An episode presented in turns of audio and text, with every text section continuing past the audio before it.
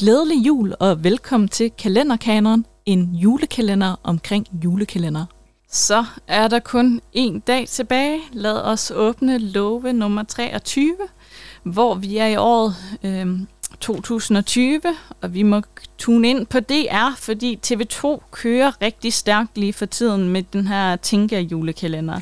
Så hvad skal DR dog gøre for os selv at skabe noget nyt?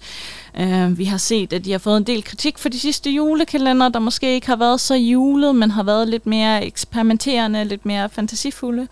Og så kommer de simpelthen med julekalenderen Julefeber, der handler omkring øh, drengen Bjørn, der sammen med lillesøsteren Gro og deres far bliver smidt ud af deres lejlighed, og de må simpelthen gemme sig ind på det kongelige teater, hvor deres far arbejder og blive i skjul i der i løbet af december, hvor Bjørn så ender med at blive rigtig gode venner med balletdanseren Frede, og det er to børn, som begge to føler sig noget ude for. Øh, Frede er ikke helt sikker på, at hun passer ind på den her ballet, balletskole, og så samtidig er der ved at ske noget rigtig mærkeligt ved karakterens Bjørns krop.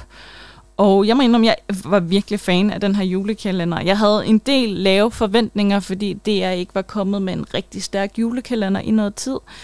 Øhm, men der må jeg sige, at den overraskede mig. Den er rigtig smuk, ligesom de tidligere julekalendere, for det er og har stadigvæk de her fantasy-elementer i dem.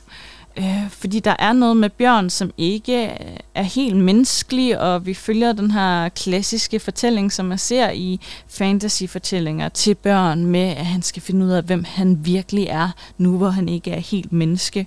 Men øh, de får bare smidt julen ind i det, ved at få det til at handle omkring nisser, og det er en helt, helt ny måde at lave nisser på.